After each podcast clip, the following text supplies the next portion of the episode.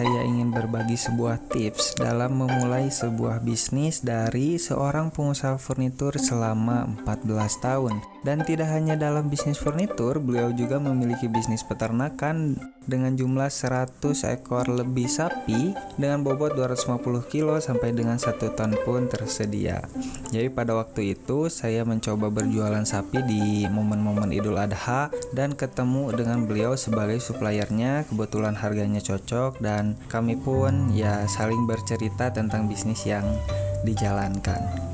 Nah, setelah itu dia sebelum menjadi seorang pengusaha furnitur adalah seorang tukang ojek pangkalan. Dan sebetulnya saya pun tidak percaya awalnya, tapi kebetulan datanglah seorang temannya dan dia membenarkan bahwa sebelumnya adalah tukang ojek pangkalan.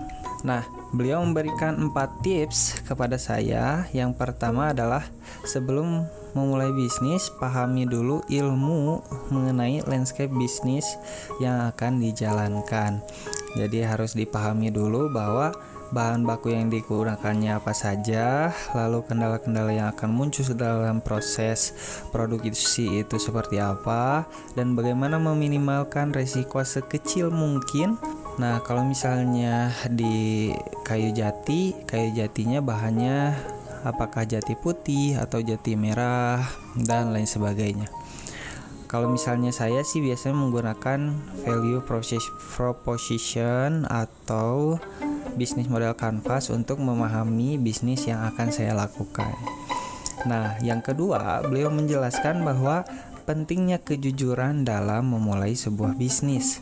Beliau mengatakan bahwa bisnis sapinya itu baru berjalan 4 tahun dengan tahun kemarin itu. Tapi pelanggannya sudah melebihi dari 100 ekor sapi dan itu sudah ada yang mesan. Jadi sapi-sapi yang ada sudah di kandang itu sudah ada pemesannya, tapi pemesannya tidak tahu sapinya seperti apa karena sudah percaya saking percayanya ya jadi yang penting sapinya adalah kayak gitu. Uangnya sudah pada masuk uh, tinggal dikirimkan pada sebelum hari H. Lalu yang ketiga, beliau menjelaskan bahwa perlunya modal sebelum memulai bisnis.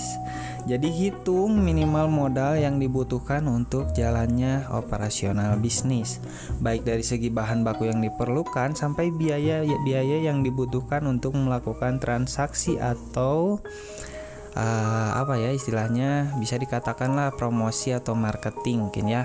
Lalu yang terakhir, beliau menjelaskan bahwa lakukan oleh sendiri terlebih dahulu agar betul-betul memahami bisnis yang dijalankan itu seperti apa. Dari mulai paling dasarnya sampai dengan uh, mendatangkan klien, melayani klien dan lain sebagainya. Jadi sebelum mempekerjakan orang lain itu kita sudah betul-betul memahami apa yang akan dikerjakan dan bahkan beliau itu melakukan pekerjaannya seperti misalnya di peternakan sapi. Nah, membersihkan kotoran, memberi pakan, lalu mengambil sapi untuk diberikan diperlihatkan kepada klien itu oleh dia sendiri. Nah, saya pun bertanya, kenapa beliau seperti itu? Ternyata agar para pekerjanya tidak malas-malasan dalam bekerja. Ownernya saja bekerja, memberi pakan, memandikan, dan lain sebagainya. Masa karyawannya mau bermalas-malasan? Dan itu memberikan sebuah apa ya dorongan kayak kita itu harus memberikan pekerjaan yang bagus dan e, terbaik lah untuk sang tuan gitulah atau karyawan itu menjadi uh, terus termotivasi bahwa semangat itu harus ada gitu dan tanpa disadari itu melakukan controlling kepada karyawannya dengan melihat langsung pekerjaan mereka. Nah, itu saja empat tips yang beliau berikan. Yang pertama ilmu, yang kedua kejujuran, yang ketiga modal dan yang terakhir lakukan oleh sendiri terlebih dahulu. Apabila dirasa audio ini bermanfaat, silakan share ke teman-teman kalian yang hendak melakukan bisnis ya.